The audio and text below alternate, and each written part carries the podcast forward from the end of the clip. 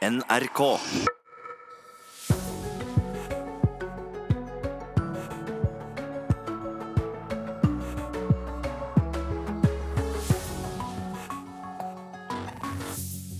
Både Høyre og justisministeren åpner for at flere under 18 år må sone i fengsel. Og det uten å bryte FNs konvensjoner. Det skal vi straks høre mer om her i Nyhetsmorgen i NRK P2 og Alltid nyheter. Virke regner med rekord for handelen i desember. Men vil det slå til? Og dette er dagen der butikkene fylles av folk som vil bytte ting de har fått i løpet av julen, og gatene også en av de store bilkollisjonsdagene. Vi skal høre om rettigheter eh, Eller er det rettigheter vi har når vi går og bytter varer? Og I flere tiår har det vært snakk om det, som vi hørte i Dagsnytt. Vi hørte dronningen selv, som ønsker seg et slottsmuseum. Og for støtte av Arbeiderpartiet vil det bli noe av. Velkommen til Nyhetsmorgen med Ugo Fermariello i studio. Høyres stortingsrepresentant Peter Frølich sier Norge kan og bør fengsle kriminelle som er yngre enn 18 år gamle, oftere enn i dag. Frølich mener vi kan gjøre dette uten å bryte med FNs barnekonvensjon. Det som har skjedd de siste årene, er at man har eh, prøvd å redusere bruken av eh, fengsel mot ungdom. Og Det er i utgangspunktet noe jeg støtter, noe regjeringen har støttet. Og så ser vi at det er en liten gruppe multikriminelle ungdommer som ikke responderer på den myke linjen. Så Det betyr at vi er nødt til å justere kurs for å kunne ta inn over oss realitetene og, og håndtere gjengproblematikken i Oslo, eh, som dette primært er snakk om, på en litt bedre måte. Ifølge FNs barnekonvensjon skal fengsling av barn, altså alle under 18 år, være siste utvei, og fengslingsperioden skal være kort.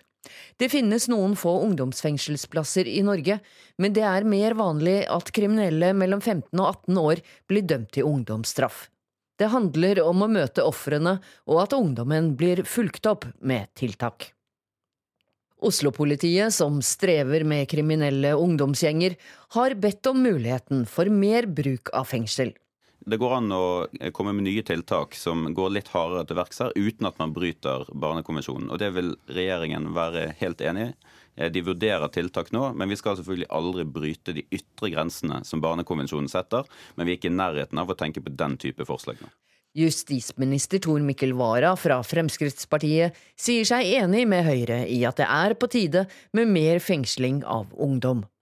Dessverre så tror jeg vi er nødt til det. Eh, jeg har vært eh, flere runder med politiet i Oslo. Hadde med statsministeren, hadde med barneministeren. Og det vi ser, er at det er en liten gruppe eh, notoriske multikriminelle ungdom som ikke bryr seg noe som helst om hvilken irettesettelse de får fra samfunnet. Og da, da, tror jeg dessverre vi ikke har noe valg enn å ta i bruk eh, lås på de ungdommene, og det mener jeg man har full adgang til. Nå kommer vi med lovendringer og vi kommer med regelendringer. Litt ulike grad og litt ulik rekkefølge. Men ikke alle partiene i regjeringen er enige om mer bruk av fengsel for de unge. Venstres Abid Raja er skeptisk.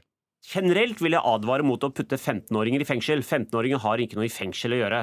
Og Det tror jeg alle kriminologene også er enig i. Men jeg tror hvis vi skal lykkes, så må vi se på årsakene til kriminalitet. Og Klarer vi ikke å gjøre noe med årsakene til kriminalitet, så har du løst en utfordring for dagens 16-åringer.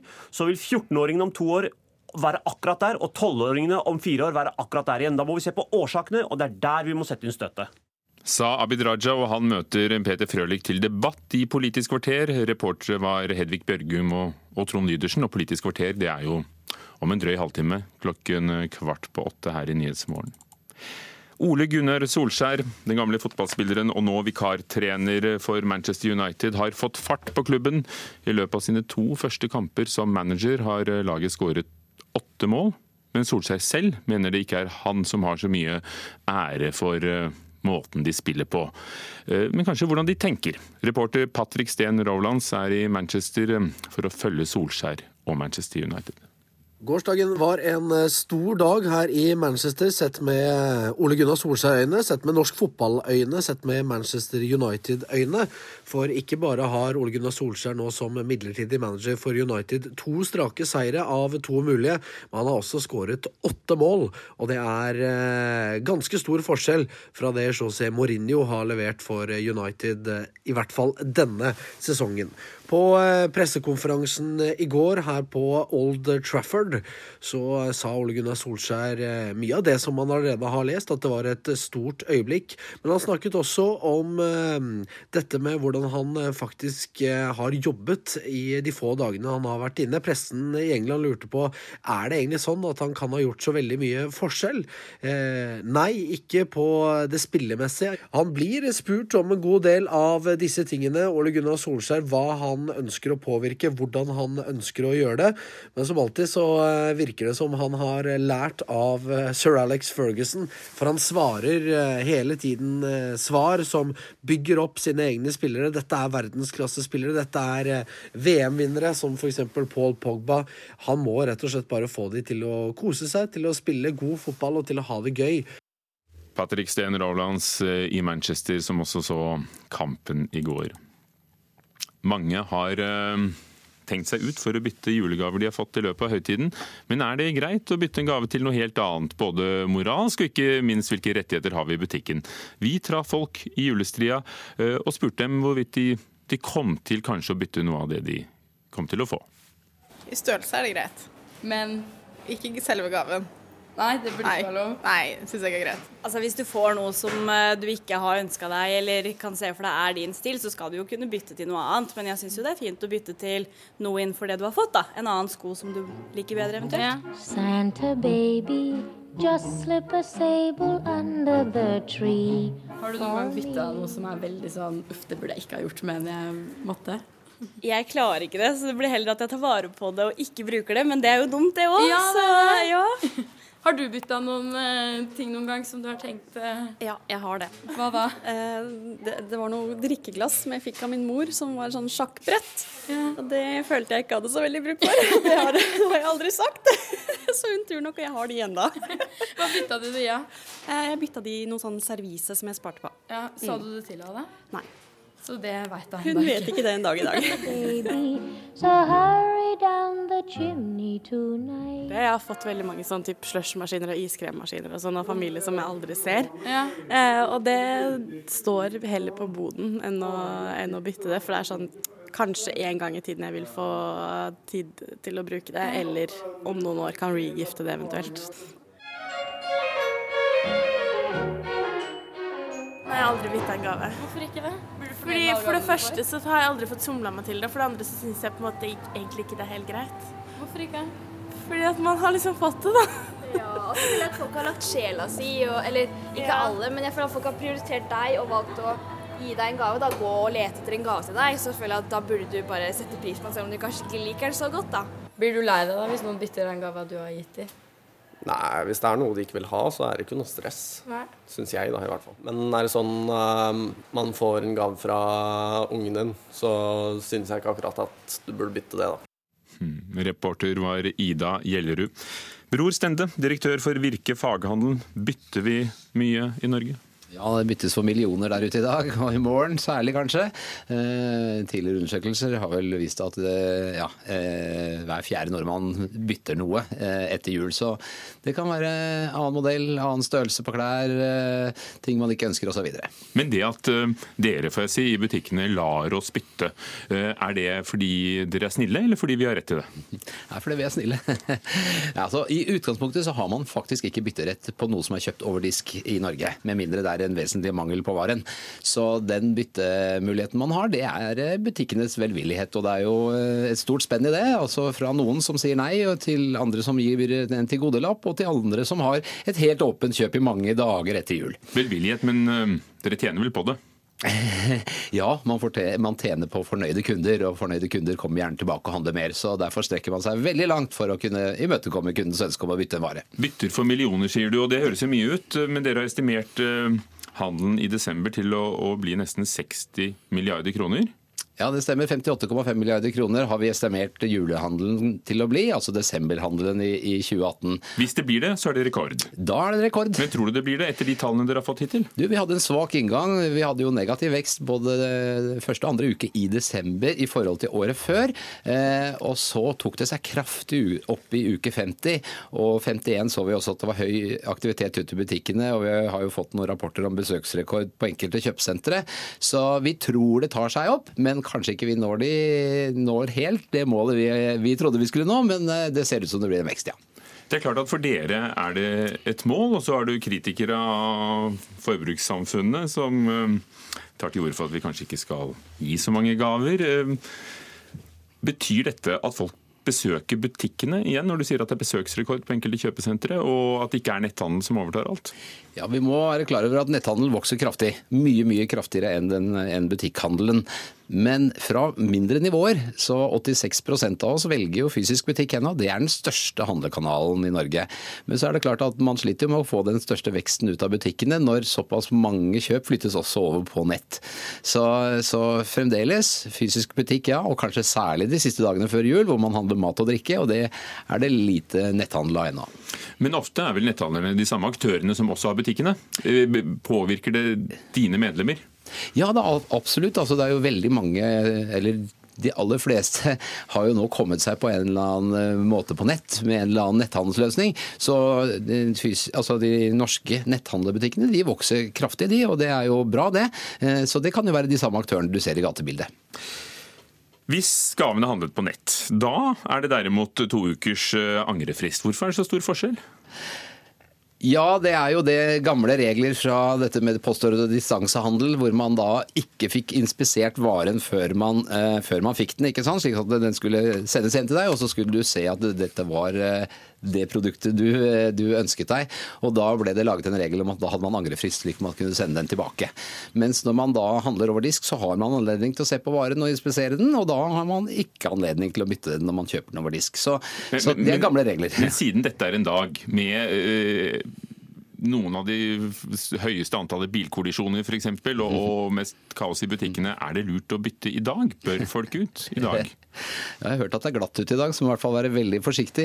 Eh, jeg tror kanskje det kan være lurt hvis man ønsker seg en spesiell modell, en størrelse, og være i hvert fall tidlig ute, så tidlig ute man kan, og gjerne før salget begynner.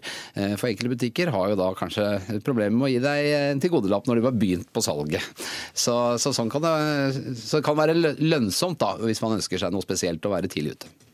Bror Stende, takk skal du ha. Direktør i Virke faghandel. Og så får vi se hvordan tallene er når alt er oppsummert fra desember måned.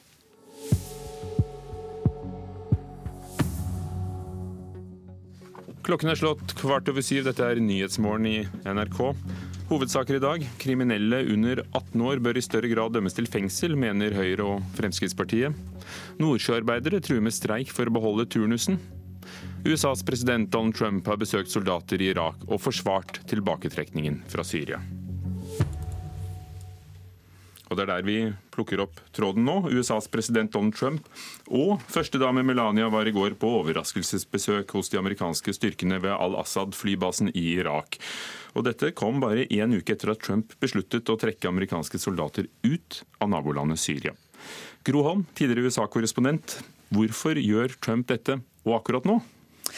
Jeg tror nok det aller viktigste er at Trump har fått enormt mye kritikk for denne beslutningen om å trekke amerikanske soldater ut av Syria. Eh, og eh, i kjølvannet av det at han jo eh, sa nei til at forsvarsminister James Mattis kunne fortsette ut februar, slik Mattis selv ønsket. Han blir erstattet allerede fra, fra 1.1. Og han har behov, tror jeg, for å vise seg fram som en ansvarlig øverstkommanderende. Og altså besøke da styrker som, eh, som er i kamp, en kampsone. Det er første gang han gjør det. Og det er vanlig at presidenter gjør det kanskje litt raskere enn det Trump har gjort. Eh, altså at de besøker soldater som faktisk deltar i kamper. Eh, president Obama var f.eks. i Irak eh, allerede like etter presidentinnsettelsen i 2009. Trump brukte jo da anledning til å forsvare tilbaketrekningen fra Syria. Hva sa han? Ja, Han sa at USA kan ikke lenger fortsette å være verdens eh, politimann. Eh, det er ikke rettferdig når hele byrden faller på oss, sa, sa, Trump. Og så la han til at faktisk så kan vi også bruke Irak som en base hvis vi trenger å gjøre noe inn i Syria senere. Og han gjentok at oppdraget i Syria det var å frata IS alle deres militære stillinger, og at det oppdraget nå er fullført, sa Trump. Det er det ikke alle som er enig i. Og så la han til at eh, Tyrkias president Erdogan har lovet Trump, og det skjedde i en telefonsamtale, at han skal ta seg av alle restene, som de omtaler som, av IS i Syria. Videre så fulgte Trump opp med å gjenta noe han sa mange ganger, mange ganger i valgkampen i 2016. Hør bare her. We're not nation building. Rebuilding Syria will require a political solution. And it's a solution that should be paid for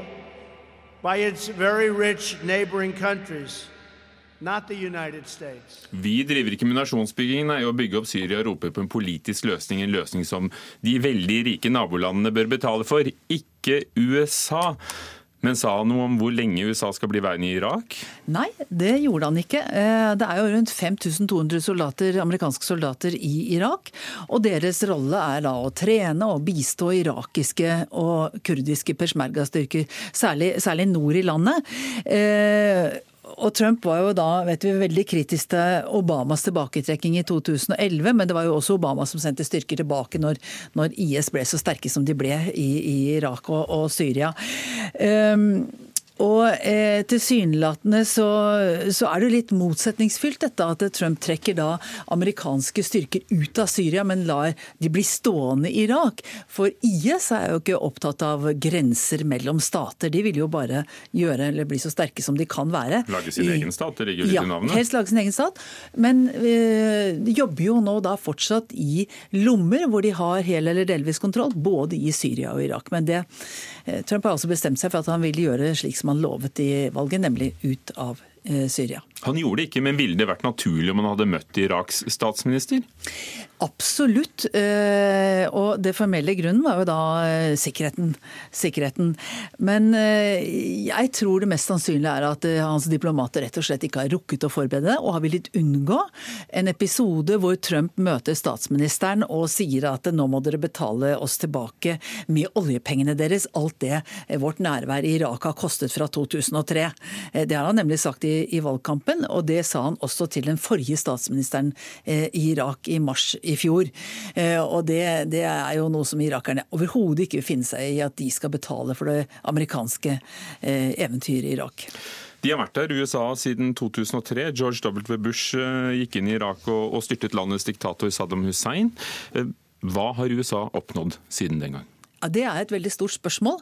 Altså, Saddam ble jo styrtet, da, og de har fått en etterfølger. Men det er jo en etterfølger som står mye nærere i Iran enn det Saddam Hussein gjorde. Eh, og, eh, og, Trump ønsker jo ikke at noe land skal handle med Iran, men Irak er helt avhengig av å få gass, strøm, eh, vann og mat fra Iran. Så det er jo et stort, stort paradoks at de har skapt en situasjon hvor Iran har styrket sin stilling. Takk skal du ha for denne analysen. Gro Holm, utenriksmedarbeider og tidligere USA-korrespondent.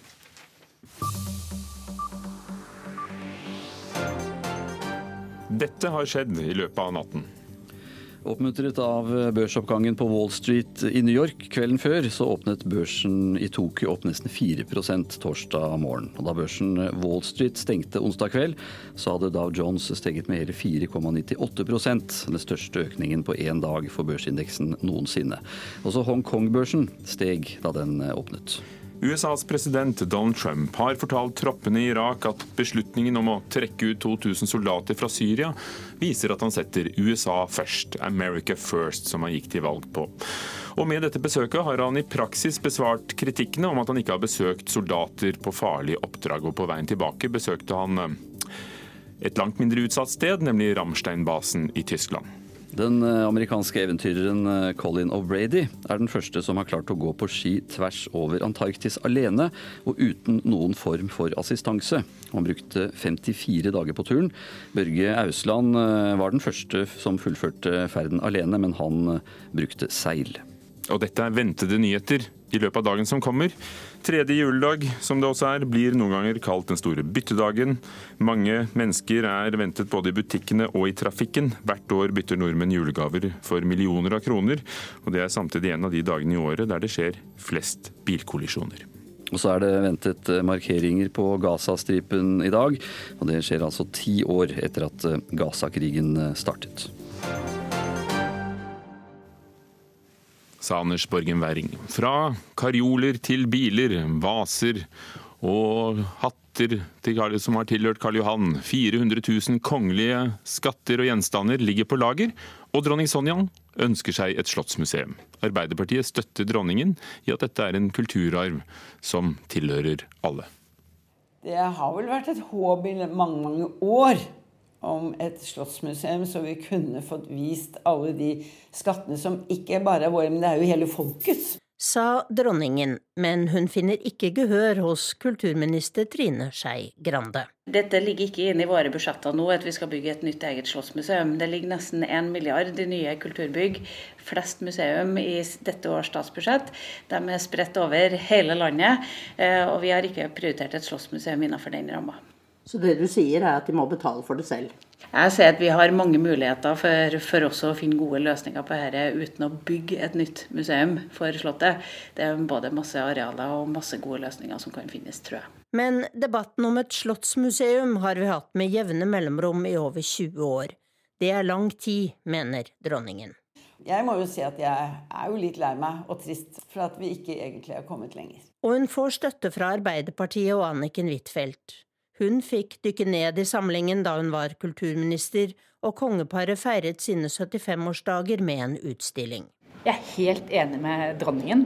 Jeg tror det norske folk vil gjerne se det som i dag er stua bort på lageret. Det er eh, kjoler, det er eh, vogner, det er biler. I mange andre land er det stor interesse for eh, det som er kongefamilienes gjenstander, og det er det også i Norge. Så dette syns jeg vi skal bruke penger på. Da Anniken Huitfeldt var kulturminister, druknet ideen om et slottsmuseum i andre prioriteringer, tror hun. Vi begynte egentlig å planlegge for at det skulle være 80-årspresang. Jeg veit ikke hvorfor dette har blitt uh, utsatt. På min timeplan sto uh, det å komme i gang med Nasjonalmuseet og oppussing av Nationaltheatret først. Nå ser Anniken Huitfeldt og Arbeiderpartiet fram mot kongeparets 85-årsdager, og mener at et slottsmuseum er en passende gave. Så Vi vil fremme forslaget, snakke med regjeringen om det. Dette er jo noe som alle partier egentlig bør stå sammen om.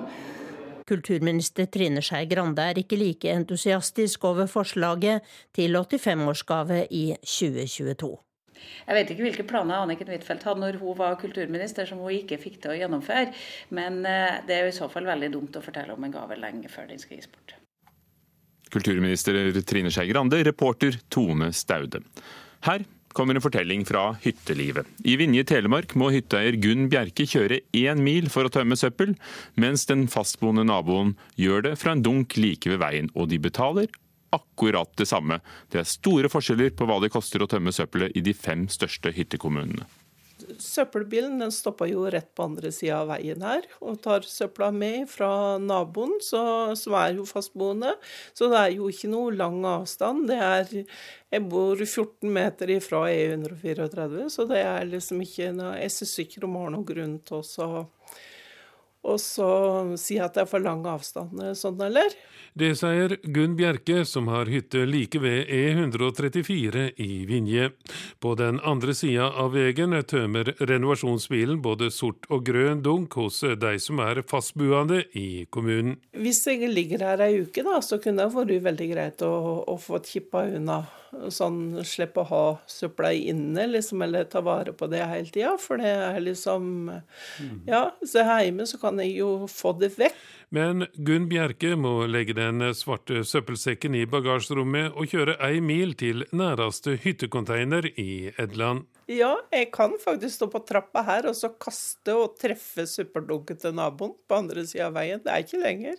Likevel så betaler Gunn Bjerke og den fastboende naboen samme prisen for renovasjonen, nesten 2500 kroner. Og den klaga jeg på, sendte en melding, for jeg syns jeg bruker tross alt ikke hytta så mye at uh, det å betale full renovasjon syns jeg var litt uh, i mest laget. Teknisk sjef i Vinje, Åge Verpe, sier at kommunen har lik renovasjonsavgift for fastboende og hytteeiere, fordi lova gjev høve til det. Vi hadde differensiert avgift i forhold til standard på hytter, noe som ble påpeka av en hytteeier i, i Vinje, og det er heller ikke i tråd med med sentrale føringer. Da. At du kan på en måte ikke differensiere avgift på bakgrunn av standard. NRK har sett på renovasjonsordningene for de fem største hyttekommunene her i landet og funnet store forskjeller. Vinje er den eneste hyttekommunen der hytteeiere må betale like mye som de fastboende. I den største hyttekommunen, Ringsaker, forteller teknisk sjef Tor Simonsen at hytteeiendommene betaler renovasjonsavgift i forhold til hvor mye hyttene blir bruka. Kostnadene med hytterenovasjon er jo et eget, eh, eget regnskap, så den vil være annerledes enn eh, kostnadene med husholdningsrenovasjon som en pålagt ordning. Eh, for det er en helt annen innhenting og kildes, krav til kildesortering og sånne ting. For de fleste hytteeierne betyr det halv renovasjonsavgift. Det som er mindre brukt, er vurdert lav, at de skal ha en lavere avgift enn de som har en hytte som er mer brukt. I Vinje sier Åge Verpe at kommunen skal gjøre store investeringer i renovasjonsordninga for å gi høve til bedre kildesortering for hytteeierne. Ja, for slik som Vinje kommune, så, så ligger vi veldig høyt på restavfallsdel per innbygger. Og det er fordi mye av avfallet i Vinje er knytta opp til hytter. Og, og der er det dårlige kildesorteringsmuligheter for hytteabonnentene. Um, og det er noe som vi kommer til å jobbe mye med frametter for å bedre måte muligheten for kildesortering. Og reporter var Ragnar Lurås. Kriminelle under 18 år bør i større grad dømmes til fengsel, mener Høyres eh, Peter Frølich. Og han får motstand fra regjeringspartner Venstre, og møter nemlig Venstres Abid Raja til debatt i Politisk kvarter. Og det skjer rett etter Dagsnytt her i Nyhetsmorgen.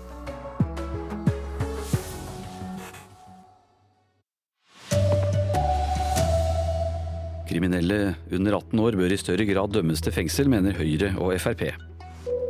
Nordsjøarbeidere truer med streik for å beholde turnusen. Kongelige skatter støver ned på lager. Dronning Sonja ønsker seg slottsmuseum. Her er NRK Dagsnytt, klokka er 7.30. Høyres stortingsrepresentant Peter Frølich sier Norge kan og bør fengsle kriminelle under 18 år i større grad enn i dag. Frølich mener vi kan gjøre dette uten å bryte med FNs barnekonvensjon. Det som har skjedd de siste årene, er at man har eh, prøvd å redusere bruken av eh, fengsel mot ungdom. Og Det er i utgangspunktet noe jeg støtter, noe regjeringen har støttet. Og så ser vi at det er en liten gruppe multikriminelle ungdommer som ikke responderer på den myke linjen. Så Det betyr at vi er nødt til å justere kurs for å kunne ta inn over oss realitetene og, og håndtere gjengproblematikken i Oslo, eh, som dette primært er snakk om, på en litt bedre måte. Ifølge FNs barnekonvensjon skal fengsling av barn, altså alle under 18 år, være siste utvei, og fengslingsperioden skal være kort. Det finnes noen få ungdomsfengselsplasser i Norge, men det er mer vanlig at kriminelle mellom 15 og 18 år blir dømt til ungdomsstraff. Oslo-politiet, som strever med kriminelle ungdomsgjenger, har bedt om muligheten for mer bruk av fengsel. Vi skal selvfølgelig aldri bryte de ytre grensene som Barnekonvensjonen setter, men vi er ikke i nærheten av å tenke på den type forslag nå. Justisminister Tor Mikkel Wara fra Fremskrittspartiet sier seg enig med Høyre i at det er på tide med mer fengsling av ungdom. Det vi ser er at det er en liten gruppe notoriske multikriminelle ungdom som ikke bryr seg noe som helst om hvilken irettesettelse de får fra samfunnet. Og da, da, tror jeg dessverre vi ikke har noe valg enn å ta i bruk eh, lås på de ungdommene, og det mener jeg man har full adgang til. Reportere Hedvig Bjørgum og Trond Lydersen.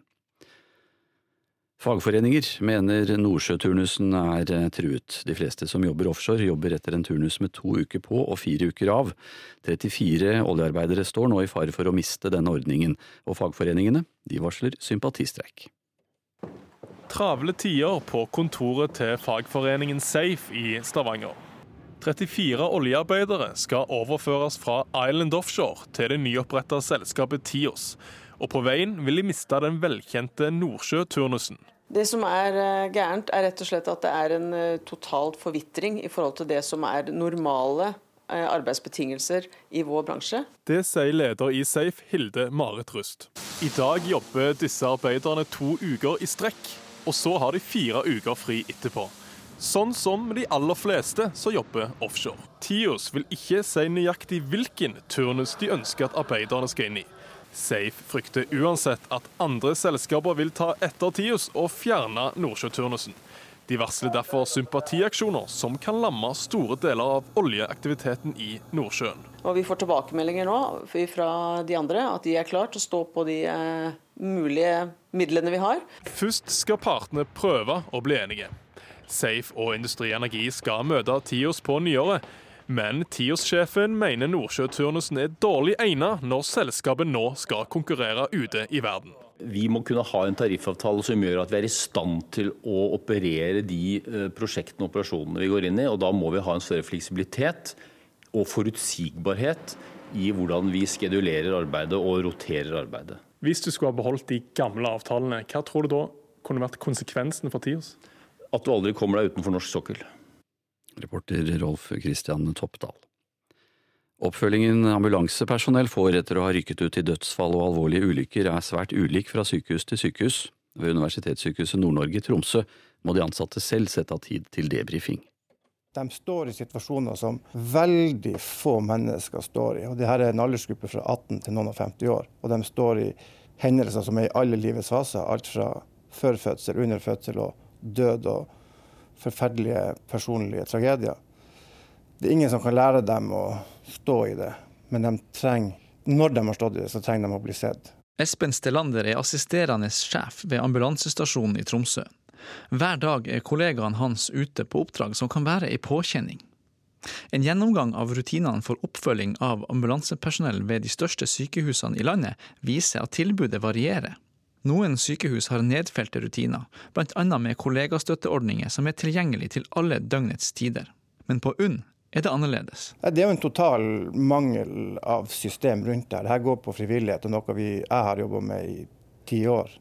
Og har bygd det dessverre altfor mye personavhengig rundt min person. For det første syns jeg det er viktig at jeg som leder er tilgjengelig faktisk nesten 24 timer i døgnet. Og den vet jeg. Jeg sover med telefon på, på nattbordet. Om det er rett eller galt, det skal jeg ikke uttale meg om. Men når jeg er borte, så er det vel ikke på den måten som det kanskje burde ha vært. Per Øyvind Sørgaard er avdelingsleder for ambulanseavdelinga på UNN. Han innrømmer at oppfølginga av de ansatte ikke er tilfredsstillende, men forteller at økonomi og andre behov gjør det vanskelig å få et nytt og bedre opplegg. Da må vi eh, egentlig stole på den biten at de som har et, et, utfordring og som har behov for å snakke med noen, kontakter sin leder. Ledere har systemer de kan bruke. Reporter Petter Strøm. Ole Gunnar Solskjær har fått fart på Manchester United. I løpet av sine to første kamper som manager har laget skåret åtte mål, men Solskjær selv mener han ikke har gjort så mye med hvordan laget spiller på. Gårsdagen var en eh, stor dag her i Manchester, sett med Ole Gunnar Solskjær-øyne, sett med norsk fotball-øyne, sett med Manchester United-øyne. For ikke bare har Ole Gunnar Solskjær nå som midlertidig manager for United to strake seire av to mulige, men han har også skåret åtte mål. Og det er eh, ganske stor forskjell fra det José Mourinho har levert for United, eh, i hvert fall denne sesongen. På pressekonferansen i går her på Old Trafford så sa Ole Gunnar Solskjær mye av det som man allerede har lest, at det var et stort øyeblikk. Men han snakket også om dette med hvordan han faktisk har jobbet i de få dagene han har vært inne. Pressen i England lurte på er det egentlig sånn at han kan ha gjort så veldig mye forskjell. Nei, ikke på det spillemessige. Han blir spurt om en god del av disse tingene, Ole Gunnar Solskjær, hva han han ønsker å påvirke, hvordan han ønsker å gjøre det. Men som alltid så eh, virker det som han har lært av eh, sir Alex Ferguson, for han svarer eh, hele tiden svar som bygger opp sine egne spillere. Dette er verdensklassespillere, dette er VM-vinnere som f.eks. Paul Pogba. Han må rett og slett bare få de til å kose seg, til å spille god fotball og til å ha det gøy. Sa reporter Patrick Steen Rolands. 400 000 kongelige skatter ligger på lager. Dronning Sonja ønsker seg et slottsmuseum. Arbeiderpartiet støtter dronningen i at dette er kulturarv som egentlig tilhører folket. Det har vel vært et håp i mange, mange år om et slottsmuseum, så vi kunne fått vist alle de skattene som ikke bare er våre, men det er jo hele folkets. Sa dronningen, men hun finner ikke gehør hos kulturminister Trine Skei Grande. Dette ligger ikke inne i våre budsjetter nå, at vi skal bygge et nytt eget slottsmuseum. Det ligger nesten én milliard i nye kulturbygg, flest museum i dette års statsbudsjett. De er spredt over hele landet, eh, og vi har ikke prioritert et slottsmuseum innenfor den ramma. Så det du sier er at de må betale for det selv? Jeg ser at vi har mange muligheter for, for også å finne gode løsninger på dette uten å bygge et nytt museum for Slottet.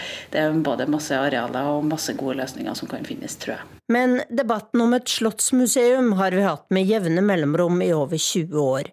Det er lang tid, mener dronningen. Jeg må jo si at jeg er jo litt lei meg og trist for at vi ikke egentlig har kommet lenger. Og hun får støtte fra Arbeiderpartiet og Anniken Huitfeldt. Hun fikk dykke ned i samlingen da hun var kulturminister, og kongeparet feiret sine 75-årsdager med en utstilling. Jeg er helt enig med dronningen. Nå ser Anniken Huitfeldt og Arbeiderpartiet fram mot kongeparets 85-årsdager, og mener at et slottsmuseum er en passende gave. Så Vi vil fremme forslag og snakke med regjeringen om det. Dette er jo noe som alle partier egentlig bør stå sammen om. Arbeiderpartiets Anniken Huitfeldt til slutt er reporter Tone Staude. I dag åpner butikken igjen, og skal du ut og bytte julegaver, så er du ikke alene. Tredje juledag er den store byttedagen, og butikkene strekker seg langt for å gjøre kundene fornøyde, sier direktør for Virke faghandel, Bror Stende. Det byttes for millioner der ute i dag, og i morgen særlig kanskje. Tidligere undersøkelser har vel vist at hver fjerde nordmann bytter noe etter jul. Så det kan være annen modell, annen størrelse på klær, eh, ting man ikke ønsker osv. I utgangspunktet så har man faktisk ikke bytterett på noe som er kjøpt over disk i Norge, med mindre det er en vesentlig mangel på varen.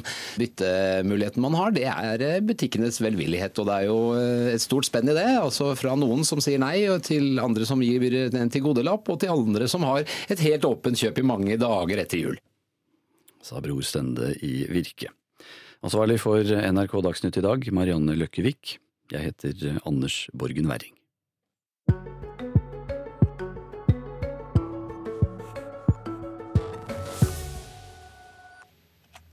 Før Politisk kvarter skal vi i Nyhetsmorgen til Ryfylke.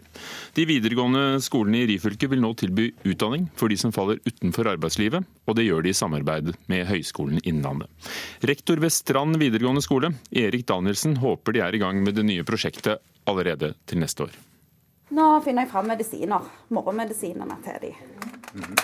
Så da legger vi det opp i medisinbeger og har det med inn til frokosten. Victoria Olsen er i gang med de daglige rutinene på Jonsok Berge og aktivitetssenter på Jørpeland. Her jobber hun som pleier, samtidig som hun tar utdanning. Jeg eh, syns jo dette er helt fantastisk, å jobbe med mennesker, og mennesker som sliter litt. For nå er vi jo i en eh, forsterka avdeling der vi er litt mer, litt mer pleiere på litt mindre pasienter, men litt mer utfordrende pasienter. Så for meg er det helt fantastisk. To kvelder i veka har hun tilbrakt på skolebenken på Strand videregående på Tau dette halvåret, og nå til jul er 36-åringen halvveis i utdanningsløpet som helsefagarbeider. Det er måten skolen har lagt opp til tilpasset undervisning, som gjør at det går an å kombinere vanlig jobb med utdanning. Jeg eh, jobber sånn ca. 80% og så i tillegg har to små unger og så ikke førerkort, så da hadde det ikke vært aktuelt for meg mm -hmm. hvis det hadde vært i byen, f.eks. Mm -hmm. For det hadde gått altfor mye tid på pendling og mm -hmm. Så derfor er det helt perfekt for meg i hvert fall at det er på denne sida. Og det vet jeg mange andre òg som går at eh, de hadde nok ikke hivet seg på det hvis det til de ikke hadde vært her. Og Victoria er ikke alene om å ta tilrettelagt utdanning i Ryfylke. Siden 2012 har Strand og Sauda videregående lagt til rette for nettopp dette utdanning der folk bor, i samarbeid med Høgskolen på Vestlandet. Rektor ved Strand VGS, Erik Danielsen, oppsummerer slik. En kort oppsummering vil jo være at det har vært veldig vellykka positivt. Der er en ca. 15 000-16 000 studiepoeng som er tatt inn i Ryfylke. Og det er jo sånn at eh, de som bor i distriktet, er det vanskeligere å ta videreutdanning for. Sånn som Dette prosjektet har gått ut på å tilrettelegge og gjøre sånn at uh, en kan ta utdanning med å bo uh, hjemme. Og det har vært vellykka. Der er òg en uh, hundrevis har tatt sertifisering på trøkk og maskinfører og krankurs og varmearbeid og, og, og fagbrev. Det skjer i en region hvor eh, færre har tatt utdanning enn ellers i fylket. Vel 20% av innbyggerne i Ryfylke har utdanning utover videregående skole, mot vel 30% samla sett i Rogaland. Nå vil eh, Ryfylkeskolene videreutvikle si satsing på utdanning med et nytt prosjekt i samarbeid med Høgskolen i Innlandet, forteller Danielsen. Vi vil jo ta prosjektet videre med å oppsøke de som eh, har falt utenfor, som ikke har del i arbeidslivet.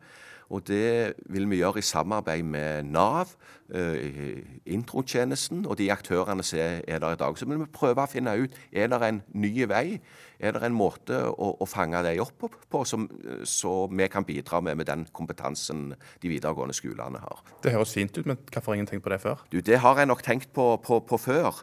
Uh, utfordringen er jo at uh, fremdeles er det for mange som en ikke får uh, tak i. og Da tenker jeg en at sammen så skal vi prøve å finne en måte å gjøre dette på. og Det er jo det som blir interessant å se om en klarer det.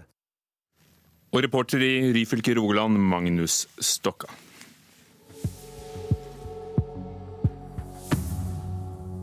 Klokken er snart 7.45, kvart på åtte. Dette er Nyhetsmorgen i NRK P2 og Alltid nyheter. Hovedsaker i dag. Kriminelle under 18 år bør i større grad dømmes til fengsel, mener Høyre og Fremskrittspartiet. Og Høyres Peter Frølich møter regjeringsparter Venstres Abid Raja til debatt straks i Politisk kvarter. Nordsjøarbeidere truer med streik for å beholde turnusen. USAs president Donald Trump har besøkt soldater i Irak og forsvart tilbaketrekningen fra Syria. Og dronning Sonja tar opp saken igjen og ønsker et slottmuseum for de 400 000 gjenstandene som nå støver ned på lager. Og videre i Nyhetsmorgen skal vi møte hjerneforskeren som kan fortelle oss hvorfor barn og unge og voksne så lett blir bergtatt av store og små skjermer. Og er det skadelig? Og vi møter kvinnen som av Forbes ble kåret til en av de 30 mest innflytelsesrike i europeisk næringsliv, og det takket være en undervannsrobot. Nå er det Politisk kvarter. Trond Lydersen er programleder.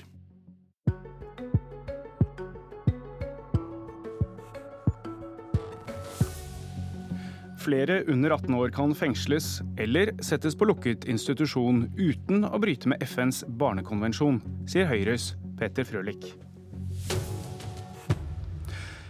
Politiet forteller om ungdommer som begår gjentatt og til dels alvorlig kriminalitet, ungdomsgjenger som truer, raner, banker opp, sprer frykt, at de knapt har noen tvangsmidler å sette inn. Fordi de juridisk sett er barn. Og slik Norge leser FNs barnekonvensjon, så fengsler man derfor i svært liten grad folk under 18 år. Petter Frølich, du er stortingsrepresentant for Høyre og medlem i justiskomiteen. Og du mener vi har mulighet til å bruke langt mer maktmidler overfor ungdom mellom 15 og 18 år. Ja, det har vi. Og det er de fleste fagpersoner helt enige om. Det vi har sett på, er muligheten for å kunne bruke mer eh, ungdomsfengsel kortere straffer som, som, er følbare for de ungdommene det gjelder. Eh, og så eh, ønsker vi også å se på muligheten for å kunne varetektsfengsle lenger i de verste tilfellene. De, de multikriminelle som, som, er en størst fare for seg selv og samfunnet. Mener du dermed at din egen regjering i dag den, den tolker barnekonvensjonen feil? Fordi man gjør jo ikke dette i dag? Det som har skjedd de siste årene, er at man har eh, prøvd å redusere bruken av eh, fengsel mot ungdom. Og Det er i utgangspunktet noe jeg støtter, noe regjeringen har støttet. Og så ser vi at det er en liten gruppe multikriminelle ungdommer som ikke responderer på den myke linjen. Så Det betyr at vi er nødt til å justere kurs for å kunne ta inn over oss realitetene og, og håndtere gjengproblematikken i Oslo, eh, som dette primært er snakk om, på en litt bedre måte. Bare helt kort, Mener du at man tolker barnekonvensjonen litt feil, slik vi bruker den i dag? Nei, men vi har lagt oss for, på en litt myk linje, og det er mulighet Vi kan tolke den annerledes? Det går an å komme med nye tiltak som går litt hardere til verks her, uten at man bryter Barnekonvensjonen. Og det vil regjeringen være helt enig i. Eh, de vurderer tiltak nå, men vi skal selvfølgelig aldri bryte de ytre grensene som Barnekonvensjonen setter. Men vi er ikke i nærheten av å tenke på den type forslag nå. Og De skjønner jeg du mener er litt romsligere enn sånn vi ser i dag. Eh, Jan Bøhler, Arbeiderpartiet. Mm. Overdramatiserer vi utfordringene når vi må begynne å fengsle eventuelt det som da i juridisk forstand er barn? Nei, altså, jeg har sett den utfordringen i lang tid. Jeg eh, må si at jeg kjenner ganske godt en del av disse unge miljøene som er i faresonen i forhold til gjengkriminelle. Og det som har skjedd, er jo at de har begynt å rekruttere ned i, helt ned i 12-13-årsalderen.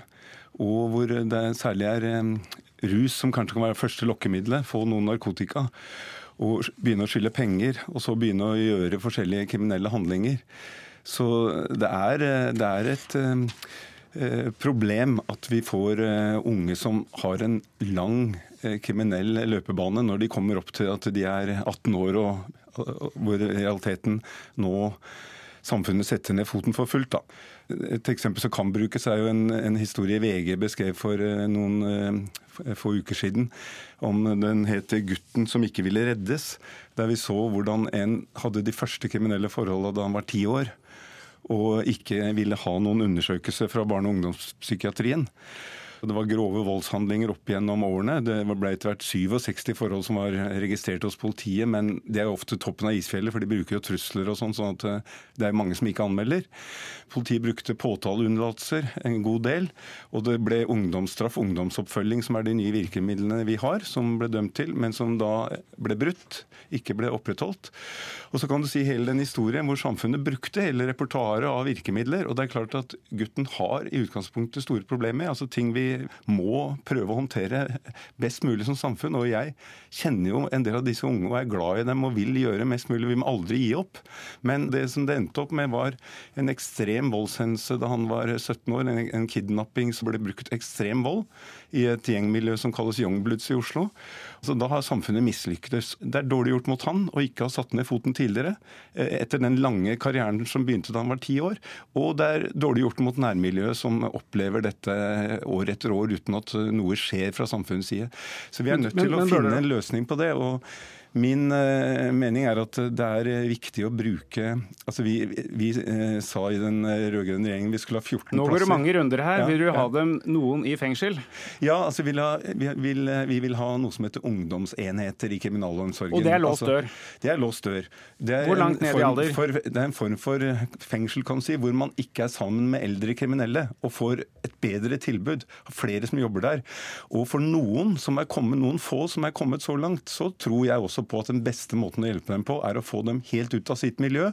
Får all den hjelpen som kan settes inn der, og får en sjanse til virkelig å eh, rive opp de, de tingene man sitter så fast i. Så, så, eh, i noen få tilfeller, og vi hadde planlagt 14 plasser, eh, nå er det 8, og vi ønsker flere sånne plasser. Dere ønsker flere plasser. Abid Raja, Venstre. Er ja. dere for litt tvang? Alle politikere er enige i en ting, og det er at vi vil ha lavest mulig kriminalitet. Så vil vi ha ulike tiltak. Jeg reagerte egentlig på Frølich når han snakket. Så sa han at vi skulle bruke mer varetektsfengsel, lengre perioder. Og er det én ting FN faktisk har kritisert Norge for, eh, om vi liker det eller ikke, gjennom mange år, det er vår bruk av varetektsfengsling. Eh, det vil jeg egentlig advare sterkt mot. Barn har egentlig ingenting å gjøre på varetektscella. Når det er sagt, så tror jeg vår inngang fra Venstre det er at vi må se hver enkelt barn. Det må være mantraen. Mantraen må ikke være vi skal fordømme hver enkelt. Nei, men Det er ikke mantraen vi snakker om bare jo, her nå. Men det er viktig. Vi snakker om hvilke tiltak ja. vi har politi som sier at de ikke klarer å håndtere ungdom som er ganske utagerende, for å si det sånn. Ja, og eh, La oss se på årsakene til kriminalitet. Hvis du skal lykkes i det lange løp, så er vi nødt til å gjøre noe med årsakene. Altså i dag så kan Nei, men nå, nå, snakker vi om hvilke tiltak du gjør overfor den gruppa du, som, som har kommet for langt ut. Da kan man godt si at samfunnet har feila der. Da, Men hva gjør man da har du et kartotek. Du, har, du kan ha påtaleunnlatelse, du kan ha samfunnsstraff, du kan ha ungdomsoppfølging, du kan ha ungdomsstraff, og du kan også ha fengsel hvis det, det, er særlig det som... påkrevd. Og det, det, det, finnes allerede i, i, dag. Men hvis du skal klare å forebygge, så det å putte f.eks. 16-åringer i fengsel så har du kanskje løst problemet, kan du gjerne si, hvis du setter liksom, veldig sånn, eh, da, har du løst problemet for 16-åringene. Så kommer de 14-åringene og blir 15-16 bare om et år eller to. Og hva skjer da? Da har du ikke løst noe problem. Hvis du skal klare å lykkes med dette, så er du nødt til å se på årsakene til kriminalitet. Ingen barn som er 5-6 år, drømmer om at de skal bli banditter men, når de blir store. Så blir de allikevel banditter. Men vi er enige om at det er langt, langt klarhet, Men du, vil, du sier dermed nei til å bruke mer frihetsberøvelse på personer under 18 år? Jeg tror vi alle er enige i en ting. Eh, når det gjelder de aller, er. De, ja, de aller verstingene som er veldig, virkelig hardbarka, så er fengsel uh, særlig påkrevd. Og som, og som ikke det brukes med på i dag? Jo, det brukes allerede. Vi har ja, men Mener du man skal bruke mer enn i dag? Ja, men jeg tror ikke du kan si at du skal bruke mer eller ikke. Jeg tror du må se på hver enkelt tilfelle. Eh, så må se på, liksom, hvem, det, jeg vil, Generelt vil jeg advare mot å putte 15-åringer i fengsel. 15-åringer har ikke noe i fengsel å gjøre. Og Det tror jeg alle kriminologene også er enig i. Men jeg tror hvis vi skal lykkes på dette, Trond Lydersen, så vil jeg si at for det første, bra at dere tar opp den debatten. For det andre så må vi se på årsakene til kriminalitet. Og klarer vi ikke å gjøre noe med årsakene til kriminalitet, så har du løst den utfordring utfordring for dagens 16-åringer, så vil 14-åringene om to år være akkurat der, og 12-åringene om fire år være akkurat der igjen. Da må vi se på årsakene, og det er der vi må sette inn støtet. Frølich er enig. Raja sier i praksis at du ser på feil side av brøken her. Nei, jeg tror vi forholder oss til eh, realitetene akkurat i dette tilfellet her. Vi vet at ungdomsstraff er det vi skal bruke på de aller fleste eh, ungdommer som, som, gjør noe kriminelt. Men så har du en liten gruppe som har havnet helt ute av kontroll. De gjør grov vold, grove ran narkoforbrytelser, de terroriserer andre ungdommer, de driver med hærverk, de angriper politiet. På et eller annet tidspunkt så må rett og slett samfunnet sette ned foten og si at nok er nok. Og Da er det ikke sånn at vi skal kaste dem inn i en fengselscelle og, og låse døren og kaste nøkkelen. De skal inn i ungdomsenheter, men det, det må skje raskt. De må føle at det har en konsekvens å bryte de normene. Og, og det kan vi helt fint gjøre innenfor rammen av det Barnekonvensjonen sier. Og så er jo spørsmålet da at Dere sitter jo faktisk i samme regjering, og hva er det som blir regjeringens politikk på dette? Dere skal antagelig utforme en plattform nå? Ja, og det fine, det fine med samarbeidet med Venstre er at vi kan ha denne type liksom, åpne debatter, og det skal være høyt under taket og sånn. Jeg tror at vi kommer til å lande ned på noe som fungerer bra i praksis. Men det er bare viktig å si at dette er ikke et veldig ytterliggående forslag, det jeg kommer med. Det har backing fra et bredt fagmiljø, fra Riksadvokaten, fra politiet. De som jobber med dette til dagen, sier at dette er fornuftige, små justeringer justeringer av et straffesystem som jeg tror alle tre partiene her i studio egentlig er enige om fungerer godt i de aller fleste tilfeller. Men litt tilpasning må til. Bøhler, dere har jo fremma forslag mm.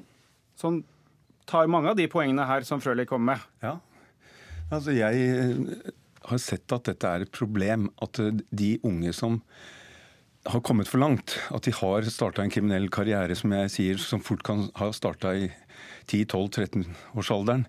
Og og har lært seg på en måte at systemet ikke eh, gjør noe med det, at det ikke får konsekvenser, så blir det en slags nesten fleip blant dem, de reaksjonene vi har fordi de skal samtykke, og fordi de, bryte, de, har opplevd at de kan bryte avtaler om ungdomsoppfølging og sånn uten at noe skjer. Uten at eh, sanksjonen blir ungdomsenhet i, i, i fengsel eller i kriminalomsorgen. Så det vi må sørge for, for at disse ordningene våre skal fungere, altså ungdomsoppfølging, ungdomsstraff og sånn, som er det alternativet som skal brukes på de aller fleste, så må vi sørge for at når de fleiper med det, ikke holder avtaler, ikke respekterer det, så får det konsekvenser. For hvis de, nemlig, hvis de nemlig vet det, så vil de forholde seg på en mer alvorlig måte til det. Da vil systemene våre fungere bedre òg, hvis det fins et ris bak speilet. Så vi har foreslått at vi skal øke antallet plasser i disse ungdomsenhetene i, i kriminalomsorgen. Og vi hadde planlagt 14. Eh, jeg tror kanskje det trengs noen flere òg, men det får vi se på. Så jeg vil jo liksom be Frølich og regjeringen om å, når man skal følge opp det i praksis, det Frølich sier her nå, at man gjør det som Eh, eh, Frølich var inne på, nemlig øker antall plasser i de ungdomsenhetene. For politiet har sagt det er for få. Og jeg kan si med hånda på hjertet, når jeg ser miljøene i Oslo Eh, fire plasser for hele Østlandet til ungdommer i denne faresonen, det er, er, for få. Og Da greier vi ikke å hjelpe de vi bør hjelpe på en god nok måte. Raja, du altså himler med øynene. Ja, altså Det er veldig lett uh, å la seg rive med i den retorikken at man skal være hard on crime. Hvem er det som ønsker å være soft on crime? Ikke sant? Altså Alle lyttere her vil jo mene at uh, youngbloods og sånn, at de skal tas. altså Det er ingen som er uenig i det. Men det jeg fra Venstre og vi etterlyser, er at skal du lykkes i det lange løp, så er vi nødt til å se på årsakene til kriminalitet kriminalitet, og der vi må legge inn støtet overfor neste generasjon. På de som allerede er kriminelle, så er selvfølgelig er det politi, og det er rettsvesen, og, det er og da er det kriminalomsorg, men det er reparering. Hvis du skal forebygge, så må du se på ok, eh, når, du, når barna begynner å skeie ut allerede i barneskolen, for spør du lærerne på barneskolen i belastede områder, så vil de peke ut på skolegården og si den gutten der, den gutten der kommer til å gå dårlig med. Og så er gutten sju, åtte eller ti år. Da må du sette hvilke inn midler, du, Hvilke midler ja, må du ha da? For det første så må du, jeg mener vi må sette inn eh, Vi må ha psykologer som eh, jobber med sinnemestring og aggresjonsutfordringer hos disse barna. Vi må ha et nytt kriminalitetsforebyggende råd bestående av ungdom som kan gi konkrete råd til politikere. Jeg satt sjøl i et sånt råd tidligere, det ble nedlagt. Eh, det var et voksenråd. Vi trenger et råd fra ungdommene. Og jeg tror vi trenger nå igjen en ny handlingsplan, en bred handlingsplan. Den forrige gikk ut i 2016, som adresserer både utfordringene, men også kommer med tiltak. Og det vi vet har du en handlingsplan, så følger det også med forpliktende midler. og Da vil man se også endring på dette. Det er tre konkrete forslag. Både psykologer, kriminalitetsforebyggende råd av ungdom for ungdom rettet mot politikere for å gi råd, og ikke minst en ny forpliktende handlingsplan. Frølik, jeg må også spørre deg, for Det kom en eh, utfordring fra Bøhler her på det forslaget som er stilt, med flere fengselsplasser. Ja, Det er en helt, Kommer det til å støttes? Eh, helt logisk eh, oppfølging. Hvis man ønsker å, å, putte flere inn i ungdomsfengsel for å hjelpe de ut av en kriminell løpebane, så må vi ha flere plasser. Det, det, Høyre til å støtte? Det må vi, det må vi definitivt uh, gjøre. Du har ikke troen på at fengsel er løsningen? Altså, det, vi vet jo det er én ting ungdom lærer i fengsel, det er jo hvordan man kan begå mer kriminalitet. Jo, men dette er ikke Alcatraz-fengsel, altså. Hvis du har sett ungdomsenhetene så er det fantastiske institusjoner hvor man følges opp på en god måte. Det handler om å ta ungdommene virkelig på alvor. Gi dem en siste sjanse til å hjelpe dem ut av en kriminell løpebane. Dette er enig, for øvrig enig i det som Abid eh, beskriver om viktigheten av et samfunn som forebygger osv. Men vi har glemt en viktig ting her, og det er grensesetting. Det er foreldrene som må begynne å sette grenser. Det er skolen som må begynne å sette noen grenser. Det er barnevernet som må sette noen grenser. Og til syvende og sist så må samfunnet sette grenser og si at bryter du normene, så får det konsekvenser. Det er faktisk ekte omsorg for disse ungdommene som har havnet Nei, på villspor? Det jo, det er det. Nei, det er ikke jo, det, er det. Og det kan hjelpe dem ut av en kriminell løpebane. er å se på den guttungen som er ti år, som får juling av farene og moren sin hver eneste dag i det hjemmet. Som har dønn lojalitet til familien. Men det er vi enige om. Jo, det er vi enige om. Ja, men det, ja, men det, det handler jo om den tiåringen Men Frølich, min gode venn. Er ikke kjærlighet. Altså, jeg vokste opp i dette miljøet. Eh, folk på barneskolen gikk i parallellklassen min. Det ble A- og B-gjengen. Jeg har sett disse gutta på nært hold. Altså, ingen av de ønsket å bli kriminelle men de ble det. Hvorfor det? Fordi at samfunnet ikke så dem og hjalp dem. i Det de ikke trenger, de trenger ikke mer fordømmelse.